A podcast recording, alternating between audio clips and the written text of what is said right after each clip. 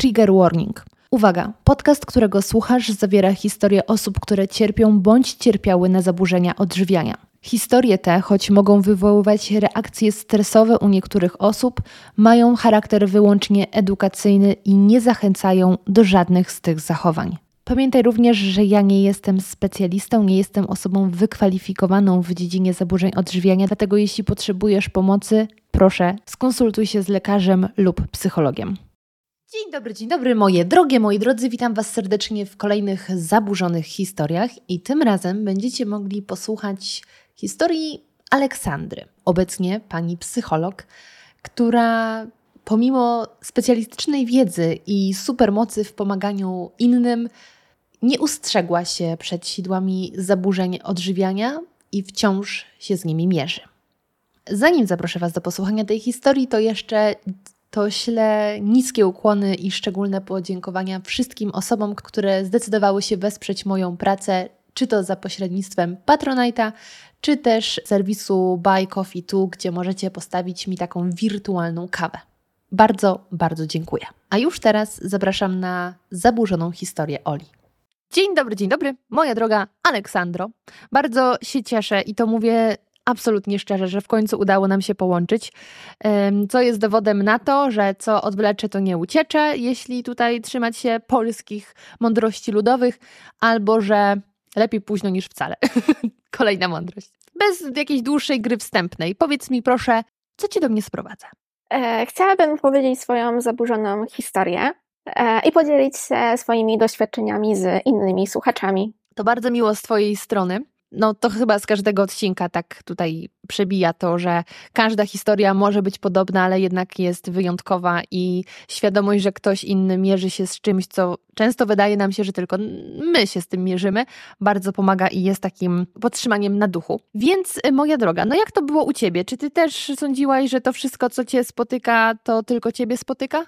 E, tak, dokładnie. E, u mnie tak naprawdę zaczęło się już e, to w wieku takim dorastania.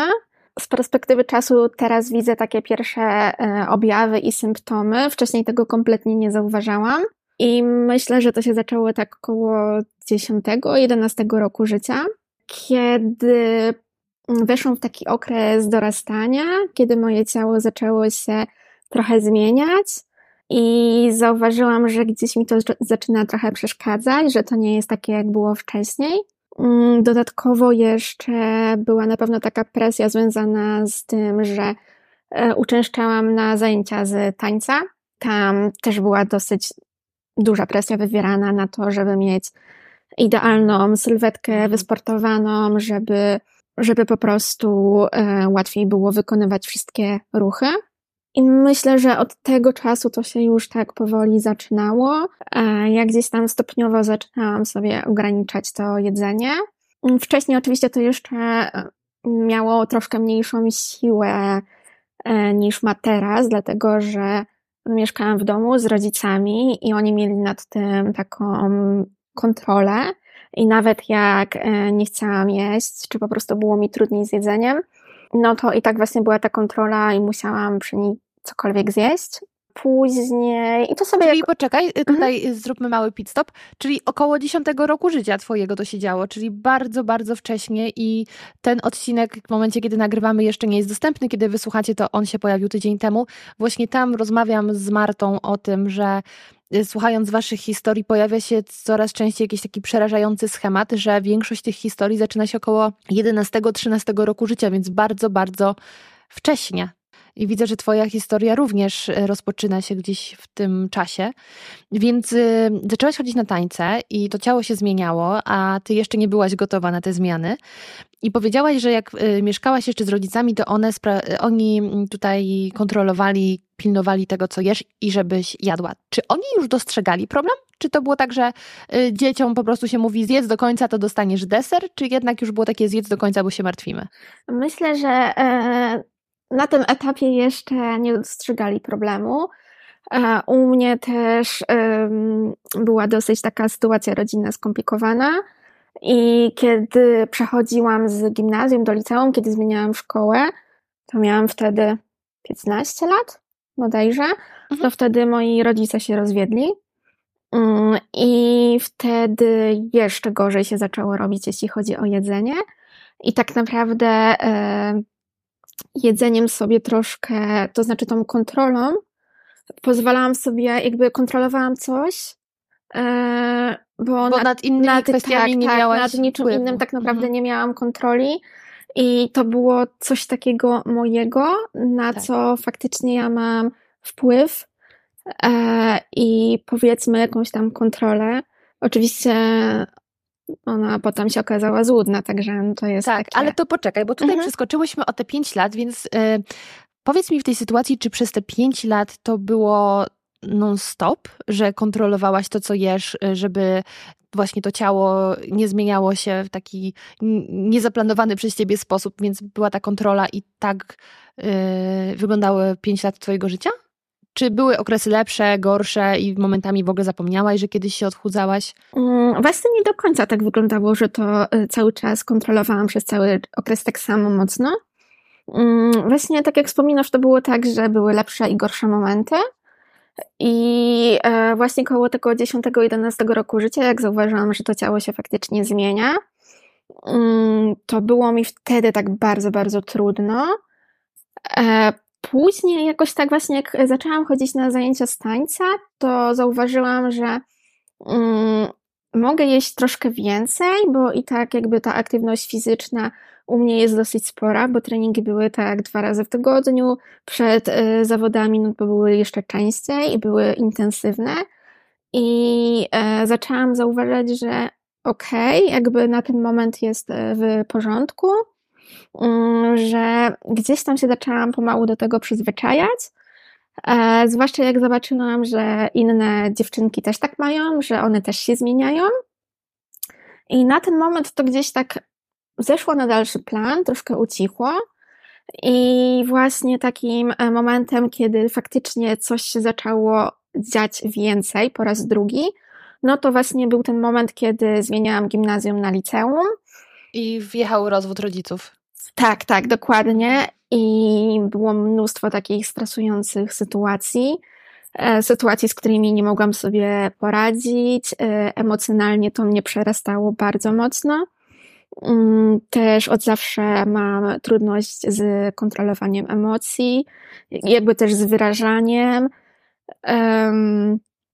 I właśnie poprzez jedzenie starałam sobie jakoś tak sobie to regulować.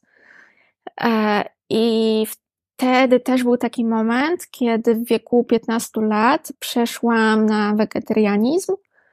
Mm, Teraz już jestem prawie 12 lat wegetarianką, więc całkiem spora. E, ale w tamtym momencie po prostu przeszłam mm, na tą dietę, dlatego żeby mm, ograniczyć sobie produkty i żeby spożywać mniej produktów, e, które wydawały mi się, że mają bardzo dużo kalorii. I zrezygnowałam wówczas właśnie z jakiegoś mięsa, z jakichś takich bardziej tłustych potraw. E, oczywiście na początku to się spotkało z bardzo, bardzo negatywną opinią ze strony mamy, mm, która nie do końca była zadowolona, że, że właśnie chce tą dietę zmienić. E, dopiero tak naprawdę ona się pogodziła z tym jakieś 5 lat temu, bo tak cały czas było namawianie, że a może jednak spróbujesz, a może e, wrócisz do tego, może ci się zmieniły smaki i może faktycznie to będzie dla ciebie smakować inaczej niż wcześniej. Mhm. E, ale tak naprawdę byłam taka bardzo, bardzo uparta w tym wszystkim i e, udało mi się jakoś przetrwać ten najtrudniejszy czas właśnie, że tak powiem, takiej walki z mamą. Mm, ale tak naprawdę ja od takiego malutkiego dziecka nie jadłam za dużo mięsa, bo y, nigdy nie jadłam jakiejś kanapki z wędliną, zawsze wybierałam jakieś serki i tego typu rzeczy. A z mięsa jadłam tylko kurczaka i to w zasadzie tyle. E, ale myślę, że to było takie bardzo też przełomowe, że, że zmieniłam właśnie tą dietę. No i wtedy właśnie w tym okresie zaczęłam mocno ograniczać e, jedzenie. Mm, to się na pewno też wiązało z takim perfekcjonizmem, bo nadal ten taniec był bardzo ważnym elementem w moim życiu. Mm, tak naprawdę było to coś, co tak pozwalało mi się na chwilę oderwać od takiej smutnej rzeczywistości, w czym mogłam się tak jakby zatracić i to mnie tak bardzo pochłaniało. No i niestety to był też okres, kiedy mm, były modne różne blogi w internecie, e, na przykład blog ProAna, na który natrafiłam. E, z perspektywy czasu wiem, że to było bardzo destruktywne doświadczenie. Mm, wtedy tego kompletnie nie wiedziałam. Wtedy myślałam, że jestem jakaś taka, można powiedzieć, lepsza, silniejsza, że, że mogę zrobić coś, czego inni nie potrafią albo nie chcą zrobić. Napotkałam dużo osób, które właśnie miały bardzo podobne podejście, czyli po prostu gdzieś tam ograniczały to jedzenie, też liczyły kalorie. Pytanko pomocnicze. Czyli jeśli dobrze rozumiem, to zachowanie destrukcyjne nie miało podłoża e, i nie było podyktowane tym, że ty patrząc w lustro stwierdzałaś, mmm, coś mi się nie podoba, tylko ja chcę kontrolować, ja chcę pokazać, że mogę i tutaj mam władzę. W tamtym momencie jeszcze tak. Mhm.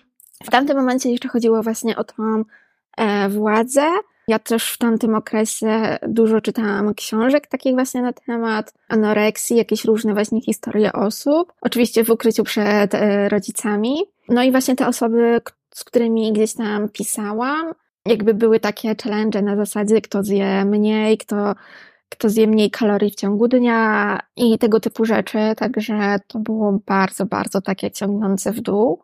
I później to tak ucichło, to znaczy jakby jak zaczęłam liceum, byłam na profilu biologiczno-medycznym i jakoś tak miałam dużo nauki, wciągnęłam się w tą naukę, też tam mm, złapałam kontakt ze znajomymi, co w gimnazjum było dla mnie dużą trudnością, bo mm, nie miałam takich bliskich koleżanek, a jednak w liceum zaczęło się to zmieniać. To był taki przełomowy moment, kiedy faktycznie odpuściłam kompletnie tą kontrolę przez długi, długi czas było wszystko ok. Teraz zaczęło się to tak zaostrzać od hmm, mniej więcej półtorej roku, e, mhm. czyli tak naprawdę w wieku 25 lat. Czyli y, spokojnie skończyłaś sobie to liceum? Tak, tak, tak. I tak. zaczęłaś jakieś studia po, później? Tak, spokojnie skończyłam liceum, zaczęłam psychologię, to był też moment, kiedy się wyprowadziłam z miasta rodzinnego, bo mieszkałam e, w mhm. Szczecinie, wyprowadziłam się do Warszawy, także to był dosyć e, duży krok, bardzo duża też odległość. To prawda. Niektórzy uważają, że Szczecin nie istnieje, więc to prawda. przyjechać ze Szczecina to jest jednak z Nibylandii duży wyczyn. Tak, A tak. zupełnie poważnie to piękne miasto, więc super. E, tak, i e, bardzo mi się podobały te studia. Ja od zawsze chciałam iść na psychologię. Mm, I tak byłam mocno wkręcona w te studia, bardzo dużo się uczyłam. E, oczywiście też podczas studiów podjęłam pracę, żeby jakoś się utrzymać tutaj w Warszawie, no bo wiadomo, życie jest dosyć drogie. Jakoś tak sobie żyłam, było ok. I tak naprawdę trzy lata temu miałam taki bardzo burzliwy związek, relację romantyczną. Byliśmy ze sobą dwa lata, zaczęliśmy mieszkać razem e, i to tak w sumie szybko się wszystko potoczyło. Mm, szybko były oświadczyny też e, i to znaczy jakby na tym etapie to zostało. Dużo było w tym związku właśnie takich kłótni, nieporozumień, e, i to też na mnie wpływało tak bardzo negatywnie. To był moment właśnie, w którym też zaczęłam to jedzenie troszkę ograniczać i zaczęłam zauważać, że coś po prostu jest nie tak, że ja nie panuję nad sobą tak, jak to było wcześniej i że faktycznie są jakieś takie duże zmiany w moim życiu, że gdzieś tam się zagubiłam i jest mi dużo trudniej to był też moment, kiedy e, miałam bardzo, bardzo obniżony nastrój. I wtedy umówiłam się na pierwszą wizytę do psychoterapeutki. Już teraz pracujemy razem ponad dwa lata. Wtedy jeszcze nie wiedziałam, ale aktualnie wiem, że to jest diagnoza depresji i właśnie na to też miały wpływ zaburzenia odżywiania i na odwrót, e, bo to się tak wszystko napędzało, to było takie błędne koło. Później było mi właśnie jakoś tak trudniej jeszcze, to znaczy tak, zaczęłam tą terapię, cały czas e, na nią chodziłam. Zaczęłam sobie takie rzeczy rozpracowywać, faktycznie zaczęłam się zastanawiać, jak to u mnie wygląda i że nie jestem po prostu szczęśliwa w tym miejscu, w którym jestem. I zerwałam zaręczyny. Wyprowadziłam się, przeprowadziłam się zupełnie in, do innej dzielnicy w Warszawie. Też jakoś tam sobie to było. Te zaburzenia odżywiania się tak pojawiały co jakiś czas, ale to nie było tak, że one były tak nasilone. To znaczy, ja kontrolowałam, co jem i starałam się jeść takie zdrowe rzeczy, ale też e, czasem sobie wolałam na coś takiego, co mogłabym zjeść raz na jakiś czas, czyli jakieś słodycze, jakieś chipsy, coś e, na tej zasadzie. To jeszcze wydaje mi się, że wtedy miałam tak jeszcze pod kontrolą. Tak naprawdę zaczęłam zauważać od tak mniej więcej 8 miesięcy, że, że zaczęło się robić troszkę trudniej z tym jedzeniem. To krop, y, tutaj przecinek postawimy, y, bo chciałam. Czy ja właśnie widzę sierść? Y, chciałam podpytać, skoro trafiłaś dość no nie szybko z perspektywy całej historii, ale trafiłaś do terapeutki i była diagnoza, że to jest depresja, to czy ona cię skierowała do psychiatry, żeby ci jakąś farmakoterapię wdrożył? Tak, dokładnie. I już na pierwszej wizycie u psychoterapeutki e, dostałam taką informację, że mhm. mój stan jest na tyle poważny, żebym się umówiła na wizytę do psychiatry, e, bo niestety bez farmakoterapii się tutaj to nie obędzie. No i faktycznie tak się stało. Jestem na lekach cały czas od tych dwóch i pół roku, mniej więcej. Mm, w międzyczasie jeszcze mogę tylko wspomnieć, bo to tylko taki dodatek, bo głównie tutaj rozmawiamy jednak o zaburzeniach odżywiania, ale mam też zdiagnozowaną osobowość chwiejną emocjonalnie typu borderline – Mhm. E, I to w zasadzie się troszkę wiąże z zaburzeniami odżywiania, bo jednym z kryteriów borderline jest zaburzony obraz siebie. I to mi się zaczęło tak troszkę układać w całość, e, dlatego że te 8 miesięcy temu to już się zaczęło tak robić poważniej. To znaczy, jakby liczyłam te kalorie, było to co wcześniej, ograniczałam jedzenie. E, wtedy już sobie zaczęłam dzielić produkty na takie, które mogę jeść i na takie, które są, że tak powiem, zakazane. Zaczęłam wtedy też ćwiczyć intensywnie. Było to tak około 10 kilometrów dziennie, na pewno spaceru, plus e, ćwiczenia fizyczne, jakieś brzuszki, przysiady, takie bardzo, mm, to były wysiłkowe ćwiczenia. Wtedy też e, natrafiłam na aplikację, która liczy kalorie. No i bardzo, bardzo mocno mm, się w to wkręciłam. Po każdym posiłku dokładnie wpisywałam, co zjadłam, ile zjadłam i automatycznie mi pokazywało, ile to jest kalorii. Bardzo mi się to podobało, chociaż to brzmi dziwnie, ale bardzo mi się to podobało, że że właśnie mam taką jasność, że nie muszę sobie tego sama liczyć, czy nie muszę tego w głowie liczyć, tylko po prostu wszystko mam w aplikacji, w jednym miejscu, wszystko jest razem zebrane.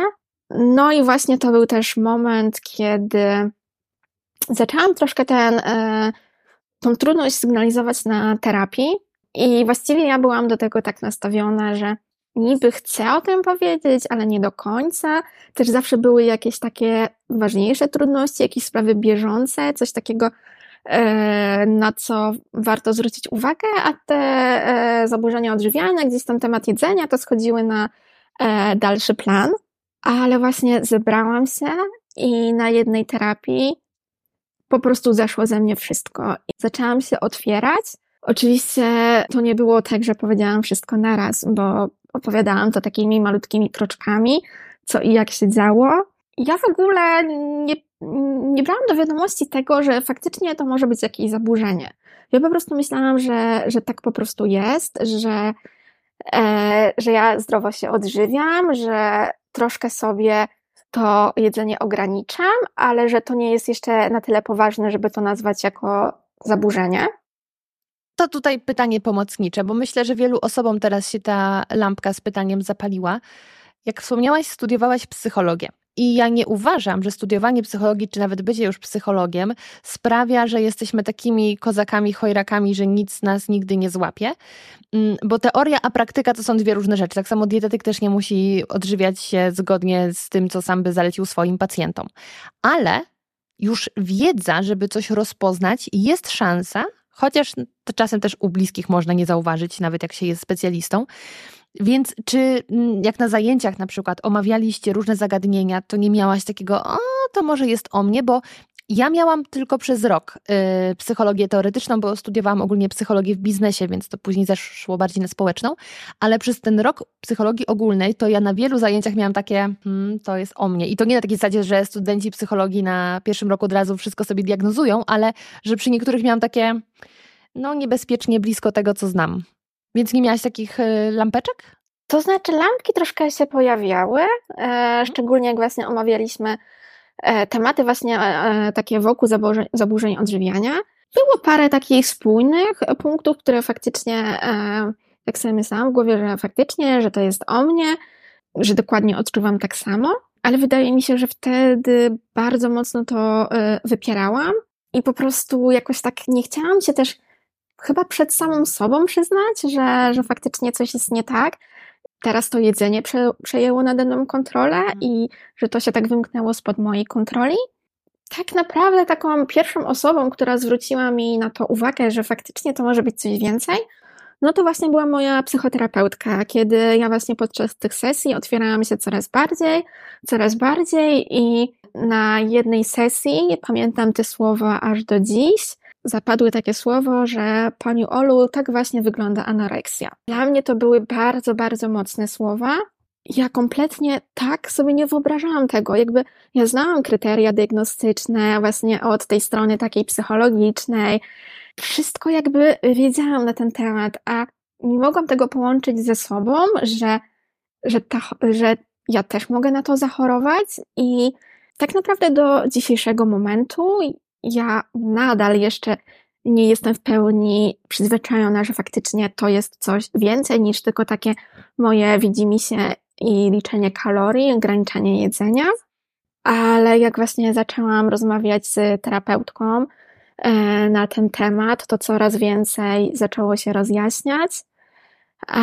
I też takich moich e, zachowań, które są bardzo, bardzo mm, destrukcyjne. U mnie to było na takiej zasadzie, że kontrolowałam wagę kilkanaście razy dziennie. To była już taka bardzo, bardzo duża fiksacja e, na punkcie właśnie cyferek. Ja ważyłam się dosłownie po każdym posiłku, przed posiłkiem, jak wstałam e, rano, jak kładłam się spać, jak wracałam na przykład do domu, jak szłam do pracy, to było bardzo, bardzo często. E, myślę, że tak około 20 razy dziennie, to na spokojnie. I to było takie bardzo, bardzo obsesyjne, bo jak widziałam na wadze, że jest minimalnie więcej, to od razu miałam takie myśli, że okej, okay, jest więcej, to już dzisiaj na przykład czegoś nie zjem, albo zjem dużo mniej niż chciałam. I to się tak właśnie zaczęło bardzo nakręcać ja byłam bardzo zafiksowana właśnie na te cyferki. I zarówno jeśli chodzi o liczenie kalorii i właśnie kontrolowanie tej e, wagi, to był taki moment, kiedy też jak e, stawałam przed lustrem i patrzyłam na siebie, to miałam takie mm, myśli, że, że nie, że to nie jestem ja, że ja nie mogę tak wyglądać, że mam gruby brzuch, grube uda, że że tak naprawdę jak ktoś mnie poznaje, to ocenia mnie przez pryzmat tego, że na przykład mam e, odstający brzuch, czy właśnie grube nogi. E, I też tutaj wspomnę, że to od zawsze tylko jest to tak w mojej głowie, bo ja nigdy nie miałam problemów z wagą, zawsze moja waga była w normie, także jestem od zawsze taką osobą szczupłą. E, ale właśnie wtedy, jak spoglądałam w lustro, to miałam takie bardzo, bardzo mocne przekonania, że, że jestem gruba, że, że właśnie jak ja sama sobie się nie podobam, to jak mam się spodobać komuś innemu, to tak bardzo, bardzo się napędzało. Takim też mocnym stwierdzeniem, które usłyszałam od mojej terapeutki, to było, że mm, jeśli e, nie zacznę czegoś robić w tym kierunku, to mogę trafić na oddział leczenia zaburzeń odżywiania. Te słowa były dla mnie mocne.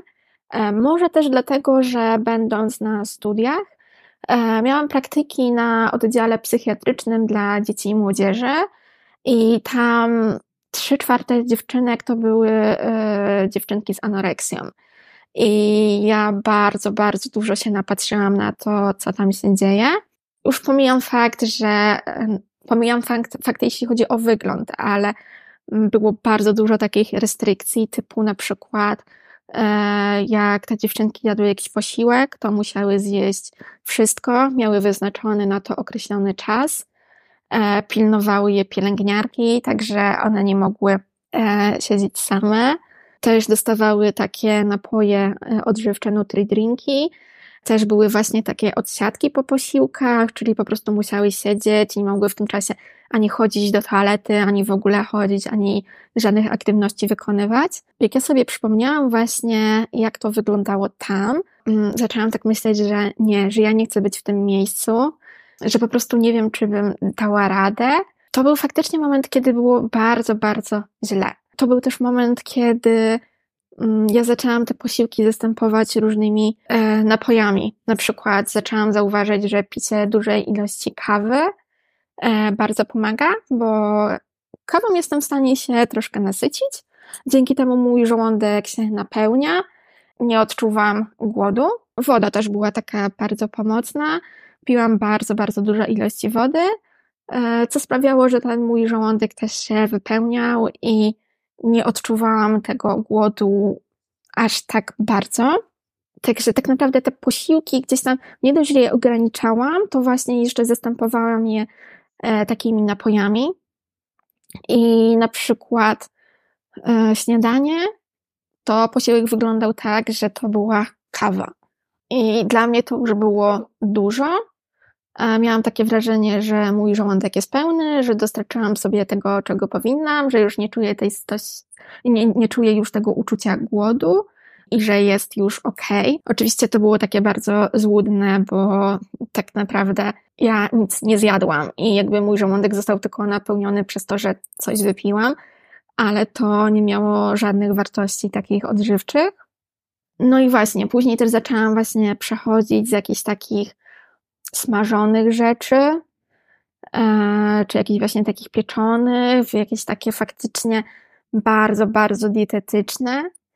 I do pewnego czasu to było ok, bo jadłam zdrowo i to było całkowicie ok, ale później zaczęłam sobie te porcje bardzo minimalizować i unikać takich produktów jak makaron, kasza, ryż. E, te wszystkie produkty należały do takich produktów zakazanych i zostawało coraz mniej produktów, które ja jadłam. Głównie były to owoce, warzywa, ale nie było zachowanego tego bilansu w ogóle, jeśli chodzi o wartości odżywcze, to e, kompletnie e, gdzieś tam się to rozjechało. W tym czasie też e, miałam bardzo dużą anemię, i tutaj właśnie też po konsultacji i z moją psychoterapeutką, i z moją psychiatrką doszłyśmy do tego, że to musi się zmienić. Że oczywiście to nie będzie prosta droga, nie będzie to łatwa droga, ale że musi się to zmienić, bo jest na tyle źle, że zaraz trafię na ten oddział. Ja praktycznie już nie miałam siły na cokolwiek, nawet jakieś takie spacery z psem, które zawsze sprawiały mi przyjemność sprowadzały się do tego, że wychodziłam na 5-10 minut i na tym się kończyło, bo nie miałam siły, żeby iść dalej. E, I jak to właśnie tak wszystko zaczęłam sobie uświadamiać, zauważyłam, że bardzo się w tym wszystkim zagubiłam. E, ja ogólnie też um, zawsze miałam problem z tym, bo ja jestem niska. Mam 1,52 cm wzrostu, więc jestem no, naprawdę niska. I zawsze w moim otoczeniu były osoby, które były ode mnie wyższe. Co też właśnie jak zaczęłam dorastać, to zaczęłam zauważać, ale w późniejszych momentach życia też, jakby cały czas to też jest we mnie, że osoby wyższe, na przykład mają taką samą wagę, jaką mam ja. E, jest mi to bardzo trudno sobie wytłumaczyć. Dla mnie to w pewnym momencie było nie do przejścia, że na przykład osoba, która ma 1,60 m czy nawet więcej, może ważyć tyle, ile ja. Dla mnie to było bardzo, bardzo trudne. Jeśli chodzi właśnie o mm, rozmiary. To wiesz co, to mhm. ja tutaj y, wrzucę jako reprezentantka tych wysokich, bo mam 1,79 m, to mogę Ci powiedzieć, że z kolei osoby wysokie niejednokrotnie miały tak, że kiedy mówiły ile ważą, to ludzie patrzyli z takim niedowierzeniem w zasadzie, no nie wyglądasz na tyle. Jakby, no właśnie, no moje kości ważą też więcej. Więc to też czasem działa w drugą stronę. Nie wiem, czy to w jakikolwiek jest pokrzepiające, ale. Myślę, że, że trochę tak. Że, że tak, że czasem spotykamy się z tym, że mówimy, ile ważymy, i ktoś mówi, wow, aż tyle? Naprawdę? Jest takie, no, no tak, ważę, moje ciało waży. Także, no, dwie strony. Też właśnie przez ten mój wzrost zawsze miałam taki e, kompleks, że że są osoby, które są wyższe, mają ładne, długie nogi e, i ich ciało wygląda zupełnie inaczej, a u mnie tego nie widać, przez to, że właśnie jestem niska. To był mój bardzo, bardzo duży kompleks. Na ten moment jest już troszkę lepiej. Nie powiem, że jest dobrze, bo nadal gdzieś tam to przepracowuję na terapii, nadal to jest taki temat dla mnie trudny bardzo, ale na pewno jest lepiej niż było wcześniej. I też na przykład tak samo mam z rozmiarami ubrań, że e, osoba, która właśnie jest wyższa, może mieć taki sam rozmiar ubrania jak ja. Nie wiem, czy tutaj mogę rzucać tak rozmiarami. Śmiało, nie ma problemu, proszę. Okej, okay, no to właśnie e, w takim momencie, kiedy ja dorastałam i moje ciało się zmieniało, mm, to było mi bardzo ciężko to zaakceptować, że te rozmiary są takie większe. Większe niż były wcześniej, większe niż bym chciała. Nie do końca to mi odpowiadało. Ja miałam takie wrażenie, że, mm, że to nie jest coś dla mnie, że po prostu e, ja jestem niska i że powinnam mieć właśnie jakiś taki mniejszy ten rozmiar. A te rozmiary zaczęły się no tam troszkę. Ja generalnie miałam taki rozmiar 34.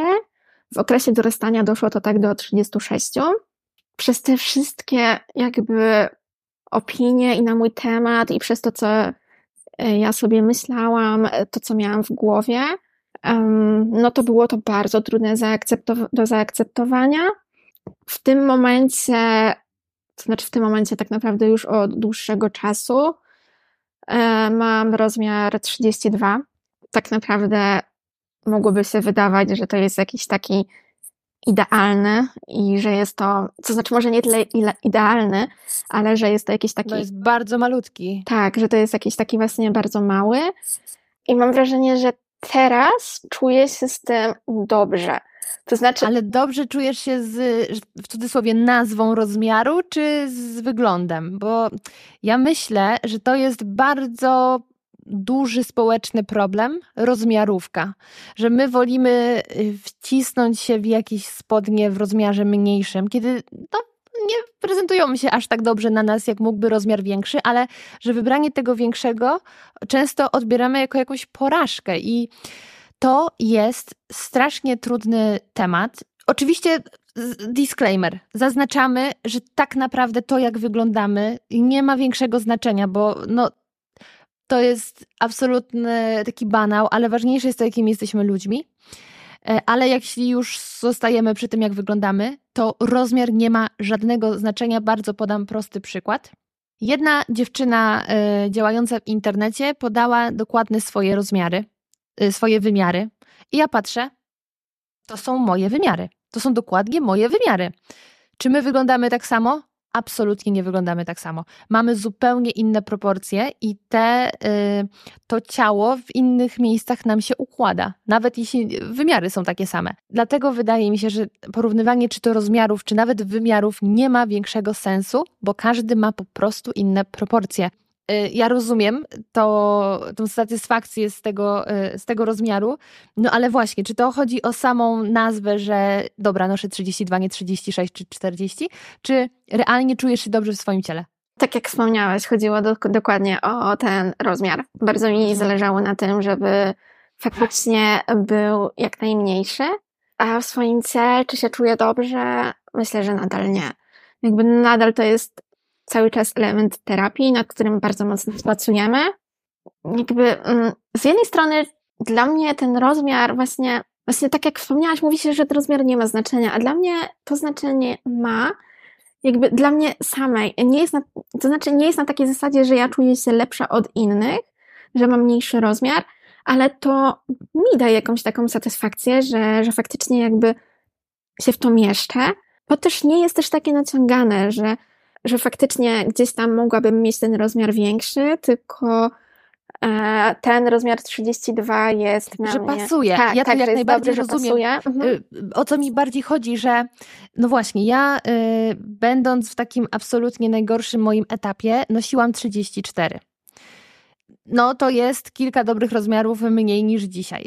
Ale czy ja chciałabym dalej nosić 34 dla satysfakcji, że to jest 34 zamiast czuć się wreszcie dobrze że ze swoim ciałem? No nie, już wolę czasami, y, wiesz, nosić 40 czy nawet 42, bo to wszystko zależy też o, od rozmiarówki 38, 40, 42, whatever. I, I o to właśnie pytam bardziej, wiesz, bo to, że y, nie jest to naciągane i to nie jest tak, że lepiej byś wyglądała w 34, czy po prostu lepiej by ubrania leżały, tylko bardziej kwestia y, tego, że czy dopuszczasz do swojej świadomości taką opcję, że na przykład jeśli y, przytyjesz, to poczujesz się lepiej, bo znowu, ten mały rozmiar w końcu nie dał ci szczęścia. Tak, to prawda. E, jakby ja też mam takie wrażenie, że tak naprawdę to jest takie, takie dążenie też donikąd, bo um, właśnie udało mi się e, uzyskać ten najmniejszy rozmiar, a nadal gdzieś nie czuję właśnie takiego szczęścia, spełnienia, że to faktycznie miałoby jakieś znaczenie. Mhm. Nadal to się tak właśnie kręci wokół tych zaburzeń odżywiania. To, to nie jest tak, że e, uzyskałam ten rozmiar 32 i że jest super, że teraz mogę sobie pozwolić, że tak powiem, na coś więcej, mieć ten rozmiar większy, jakoś tak się odbić od tego. Jakby nie, wydaje mi się, że dla mnie to właśnie ma dosyć spore znaczenie. Pracujesz ze swoją psychoterapeutką, jesteś dalej pod opieką psychiatry. No ten proces, z tego co opowiadasz, cały czas postępuje. Więc to nie jest zamknięta historia. E, Więc czy są na przykład jakieś takie małe kroczki, które starasz się stawiać, może nie każdego dnia, ale może każdego tygodnia, każdego miesiąca, żeby jednak pójść trochę w tą stronę e, takiej przewietrzonej głowy? Żeby wiesz, e, zbliżyć się do tego momentu, kiedy będziesz czuła luz i ten temat przestanie cię dotyczyć. Tak, e, stawiam takie małe kroczki. Właśnie jest to trudne, ale staram się to robić. Z miesiąc temu, po bardzo, bardzo długim czasie, zjadłam pizzę. To było dla mnie coś takiego wcześniej nieosiągalnego. Super, E, gratuluję. Dziękuję. Wcześniej, właśnie to było dla mnie wcześniej takie nieosiągalne. Było to takie jedzenie, które zaliczałam do tych zakazanych. Udało mi się to troszkę pokonać, tą taką barierę, zjeść. No i właśnie staram się jakimiś takimi małymi kroczkami to pokonywać. Zaczęłam sobie pozwalać na jakieś e, słodycze, jakieś ciasta, e, ale to też na razie wszystko tak pomału. Mhm. Tak, nie ma co też zaliczać fal startu, bo później ta trauma może ciągnąć się znacznie dłużej niż dać tą korzyść, że okej, prze, e, przełamałam się. Tak, i oczywiście to nie jest tak, że są same takie super dni. Są też dni, które są beznadziejne, w których e, właściwie można powiedzieć, że, że się głodzę, że e, spożywam bardzo, bardzo mało kalorii, dużo mniej niż dzienne zapotrzebowanie. I właśnie to też jest takie dosyć ciekawe, bo e, jeden mam dzień taki, kiedy faktycznie bardzo, bardzo mało jem. Później na kolejny dzień jest już troszkę lepiej. I właśnie tak jak wspomniałam, są te lepsze i gorsze momenty, ale jakby cały czas jest to element terapii, cały czas nad tym pracujemy, bo myślę, że gdyby nie terapia, to sama z siebie bym z tego tak nie wyszła. Przede wszystkim z tych wszystkich mechanizmów, schematów, które się u mnie pojawiają. Też z takiego właśnie e, obrazu siebie, który jest bardzo, bardzo zaburzony. Powoli też się uczę patrzeć na siebie poprzez pryzmat nie tyle wyglądu, ale też innych cech, na przykład charakter, czy po prostu jakichś takich innych zasobów, co jest y, trudne. Jest to trudne, bo y, nadal miewam momenty, kiedy stoję przed lustrem i widzę swoje ciało, którego po prostu nienawidzę, które chciałabym zmienić. Same takie bardzo negatywne myśli przychodzą mi do głowy wtedy. Staram się wtedy zrobić coś takiego, żeby na chwilę się wybić z tego myślenia, żeby przekierować tą uwagę na coś innego. Tutaj fajnie na mnie działa taka medytacja, takie ćwiczenia e, zbudowane na wizualizacji, że na przykład coś sobie mam wyobrazić, to jest jakby taki ala podcast, że e, mam sobie coś wyobrazić, skupić się na przykład na swoim oddechu, czy skupić się na swoich emocjach. To mi trochę też pomaga z takim uziemieniem się, że żeby się właśnie oderwać od tego wszystkiego, tak odciąć i przekierować uwagę na coś innego. To jest właśnie takie pomocne. Nadal jest dużo, dużo takich momentów, które są dla mnie bardzo trudne. E, ja też nadal mam problem z jedzeniem w towarzystwie. Czyli na przykład jak mam zjeść coś w pracy, to bardzo, bardzo się tym stresuję. To też jest dla mnie takie krępujące. Boję się chyba takiego oceniania, że jak inne osoby zobaczą, co jem, w jakiej ilości, e, to mogą po prostu to ocenić, mogą to skomentować. I po prostu ja chyba się tego bardzo, bardzo boję. I tak samo właśnie wychodzenie do różnych restauracji, kawiarni też jest bardzo trudne. Przez jakiś czas w ogóle nie chodziłam do takich miejsc. Teraz na przykład jestem w stanie już sobie pozwolić na jakąś taką drobną przyjemność, ale tylko w gronie zaufanych osób, tylko z przyjaciółkami.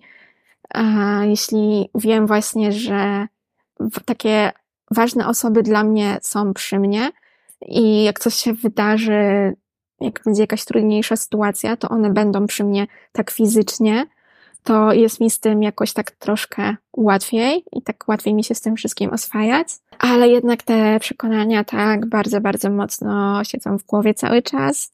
Też tak naprawdę anoreksja to nie jest choroba ciała, tylko jest to choroba naszej głowy, bo to, to w niej są te wszystkie schematy, mechanizmy, e, myśli, które nam podpowiadają, żeby coś zrobić tak albo czegoś nie robić. I myślę, że to w tym wszystkim, wszystkim jest takie najtrudniejsze, bo e, tak jak wspominałam, zaczęłam jeść coraz więcej, ale te myśli bardzo, bardzo się koncentrują na temacie jedzenia. Często jest na przykład tak, że jak zjem czegoś za dużo, albo po prostu więcej niż chciałam, to pojawiają się takie myśli mm, bardzo krytyczne w stosunku do siebie, że, że teraz to, to mogę zacząć jeść, nie wiem, 2000-3000 kalorii dziennie, bo i tak nic nie ma sensu, bo sobie pozwoliłam na, na to, żeby po prostu dużo więcej zjeść i przez ten jeden, dzień wszystko po prostu e, się załamie, że można wszystko przekreślić i nie ma sensu się starać. Albo z kolei też zachodzi na taki drugi biegun, że skoro na przykład wczoraj zadałam dużo, dużo więcej niż e, sobie założyłam, no to na przykład przez kolejny dzień będę jeść super mało. Właśnie, i to jest takie trudne, bo to nadal jest we mnie. E, ciężko mi jest z tym jakoś tak walczyć. To znaczy, to są bitwy takie przegrane i wygrane, bo raz mi się udaje, raz mi się nie udaje. To też właśnie bardzo mocno się też wiąże z moją samooceną. E, też y, jakiś czas temu miałam taki trudniejszy moment, bo zmieniałam pracę i wchodziłam w nowe środowisko i jakby też te wszystkie zmiany wpłynęło na to, e, że było troszkę trudniej z tym jedzeniem. E, to się tak zaczęło nawarstwiać i zauważyłam, że faktycznie jest tego coraz więcej, że coraz więcej ograniczam. Tylko właśnie, że w tym momencie już się łapię na tym, że to zauważam. Wcześniej było tak, że ja, ja w ogóle tego nie widziałam. Ja na przykład jadłam mało i ja nie wiedziałam, że to jest za mało. Ja miałam takie wyobrażenie, że okej, okay, zjadłam tyle i to mi wystarczy. Pamiętam jeszcze takie właśnie momenty z dzieciństwa, kiedy mama wymyślała mi różne jakieś takie, czy kanapki, czy jakieś takie bardzo atrakcyjne jedzenie, żebym cokolwiek zjadła. żeby mnie jakoś do tego zachęcić.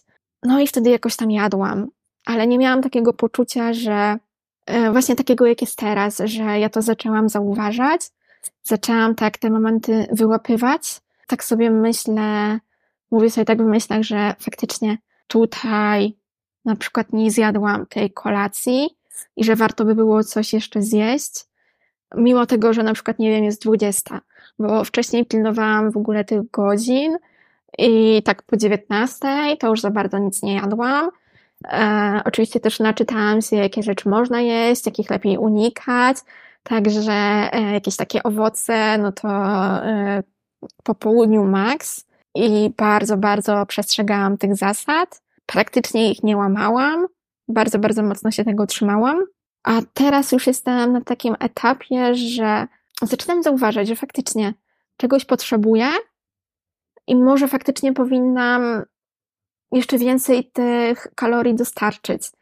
Ale to też nie jest tak, że za każdym razem to zauważam, bo są dni, kiedy jakby ja mam poczucie, że totalnie zjadłam bardzo dużo i że to mi wystarczy, mimo tego, że na przykład zjadłam 700-800 kalorii na dzień. E, a mam takie poczucie, że. No ale to są te, te małe kroki, że właśnie przynajmniej już sobie uświadamiasz te momenty coraz częściej, że okej, okay, warto byłoby jeszcze się nakarmić i odżywić ten organizm. A powiedz mi proszę, Olu, wspomniałaś już o przyjaciółkach, w których masz oparcie.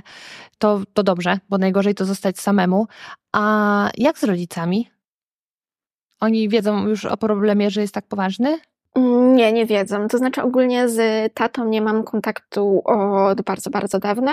Mhm. E, kontakt mam z mamą, e, ale spotykamy się z nią dosyć rzadko na jakieś różne święta, e, czy jakieś tam uroczystości takie bardziej rodzinne. Nie wiedzą, że jest aż tak źle. To znaczy, jak z nimi rozmawiam przez telefon, czy właśnie z dalszą częścią rodziny, czy z moją siostrą, tego się nie da wyczuć. A na przykład jak mhm. przyjeżdżam do domu, to często jest tak, że mówię, że ja już jadłam, że ja już nie, jest, nie jestem głodna, że na przykład spotkałam się z jakąś koleżanką i jadłyśmy na mieście. Staram się jakieś takie wymyślać wymówki, mhm. bo moja mama też jest taka, że jak wie, że ja przyjeżdżam, to specjalnie gotuje dla mnie jakieś tam potrawy, które ja lubię, piecze ciasto i mhm. jakby tego jedzenia jest zawsze mnóstwo. Też mam takie wrażenie, że właśnie w relacji z mamą ten temat troszkę się kręci wokół jedzenia, dlatego że e, bardzo często, mm, jak rozmawiamy, zadajemy pytanie, co dzisiaj jadłam. E, Czyli tak trochę jej językiem miłości jest jedzenie? Tak, tak, dokładnie.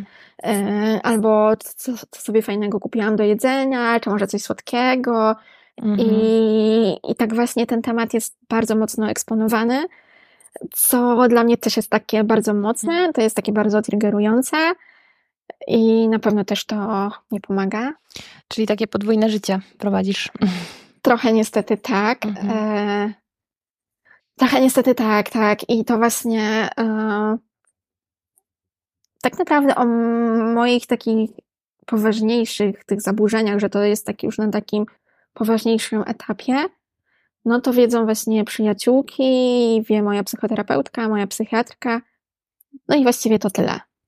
Mhm. E, na tym się to kończy. To znaczy jeszcze um, osoby, bo ja też prowadzę profil na Instagramie, który, na, na którym też właśnie e, jakby i swoje doświadczenia związane z chorobą, ogólnie jeśli chodzi o proces też terapii i też um, wstawiam takie posty właśnie w temacie zdrowia psychicznego. E, I tam też można uzyskać dużo wsparcia od osób, które też przechodziło przez to samo i mają podobne doświadczenia, bo wiadomo, każdy ma inne doświadczenia, ale jakieś tam mamy e, takie wspólne. Mhm. E, chociaż z drugiej strony też trzeba na to uważać, bo są też osoby, które nie wspierają, a wręcz przeciwnie, że zachęcają do no po prostu do e, redukcji jeszcze większej liczby kalorii i też do takiego porównywania się to, co ja tak. robiłam kiedyś, kiedyś, ale teraz staram się to nie wciągnąć. Już mam takie jedno doświadczenie ze swojego życia. Bardzo dużo mnie to nauczyło. Także teraz staram się gdzieś tak na to patrzeć troszkę z boku.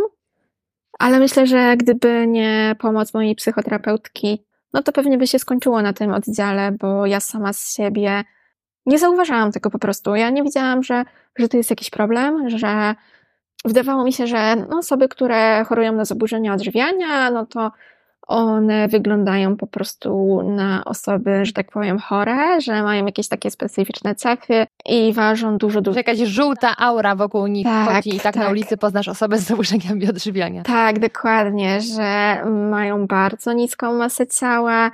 Miałam też taki obraz, że wyglądają jak takie kościotrupy. Po prostu nie wiązałam tego ze sobą, bo w mojej głowie ja nie, ja nie wyglądam jak, jak taki kościotrup i mhm. e, po prostu to mi się tak nie łączyło ze sobą. I ja cały czas gdzieś to wypierałam, nie zauważałam, wypierałam i myślę, że właśnie gdyby nie pomoc mojej psychoterapeutki, no to byłoby bardzo, bardzo źle. Także mogę powiedzieć, e, że jestem wdzięczna jej za to, że po prostu nad tym pracujemy. Widzę pomału efekty, że jest lepiej to znaczy, ogólnie jest to bardzo trudny temat nadal dla mnie, ale te efekty myślę, że, że są. Że są, są na razie małe, ale, ale są. Olu, bardzo się cieszę, że jesteś w dobrych rękach i że e, trafiłaś na mądrą i taką troskliwą, nie wiem, czy to jest dobre słowo, ale taką godną zaufania y, psychoterapeutkę, gdzie czujesz się na tyle komfortowo, że mówisz jej o tym, co cię trapi i razem możecie szukać y, rozwiązań, bo ja za każdym razem na koniec podcastu powtarzam, że łatwiej z tą chorobą walczyć przy wsparciu drugiej osoby. I życzę ci, aby się nie zniechęcała, żebyś trwała w tym procesie wychodzenia na prostą, i żebyś odnalazła taką, taką radość z codzienności, żeby ta codzienność się nie kręciła wokół jedzenia, bo no, jesteś świetną dziewczyną i y, dość już się nacierpiałaś. Także pozdrawiam serdecznie Twoje przyjaciółki, które też są Twoim wsparciem, Twoją rodziną z wyboru. I, I naprawdę życzę Ci wszystkiego najlepszego. A w opisie myślę, że podlinkujemy też Twój Instagram, jakby ktoś chciał zajrzeć. Także raz jeszcze bardzo, bardzo dziękuję. Ja też bardzo dziękuję za rozmowę. Bardzo mi miło. I tak właśnie prezentuje się zaburzona historia Oli. Jeśli Wy również chcielibyście podzielić się ze mną swoją historią, to napiszcie do mnie na zaburzonehistorie.gmail.com Zachęcam Was mocno do tego, abyście podsyłali podcast osobom, które wydaje Wam się, że mogłyby wyciągnąć z niego jakąś wartość dla siebie. Także poczta pantoflowa albo szerowanie na Instagramie zawsze bardzo mile widziane. Dziękuję i to doceniam. E, ale także możecie wesprzeć moje działania poprzez takie strony jak patronite.pl czy Buy gdzie możecie dać mi taki napiwek, a właściwie nakawek za pracę, którą wkładam w przygotowanie tego podcastu. Wszelkie linki dla zainteresowanych zamieściłam w opisie. Na koniec standardowo przypominam, że choć zaburzenia odżywiania są okropną chorobą, to można z nimi walczyć, można tę walkę wygrać i najlepiej nie robić tego w pojedynkę. Także nie bójcie się prosić o pomoc, czy to osoby z waszego otoczenia, czy też specjalistów. Ja nazywam się Małgosia Zmaczyńska. Było mi bardzo miło spotkać się dzisiaj z wami i już teraz zapraszam na kolejny odcinek Zaburzonych Historii.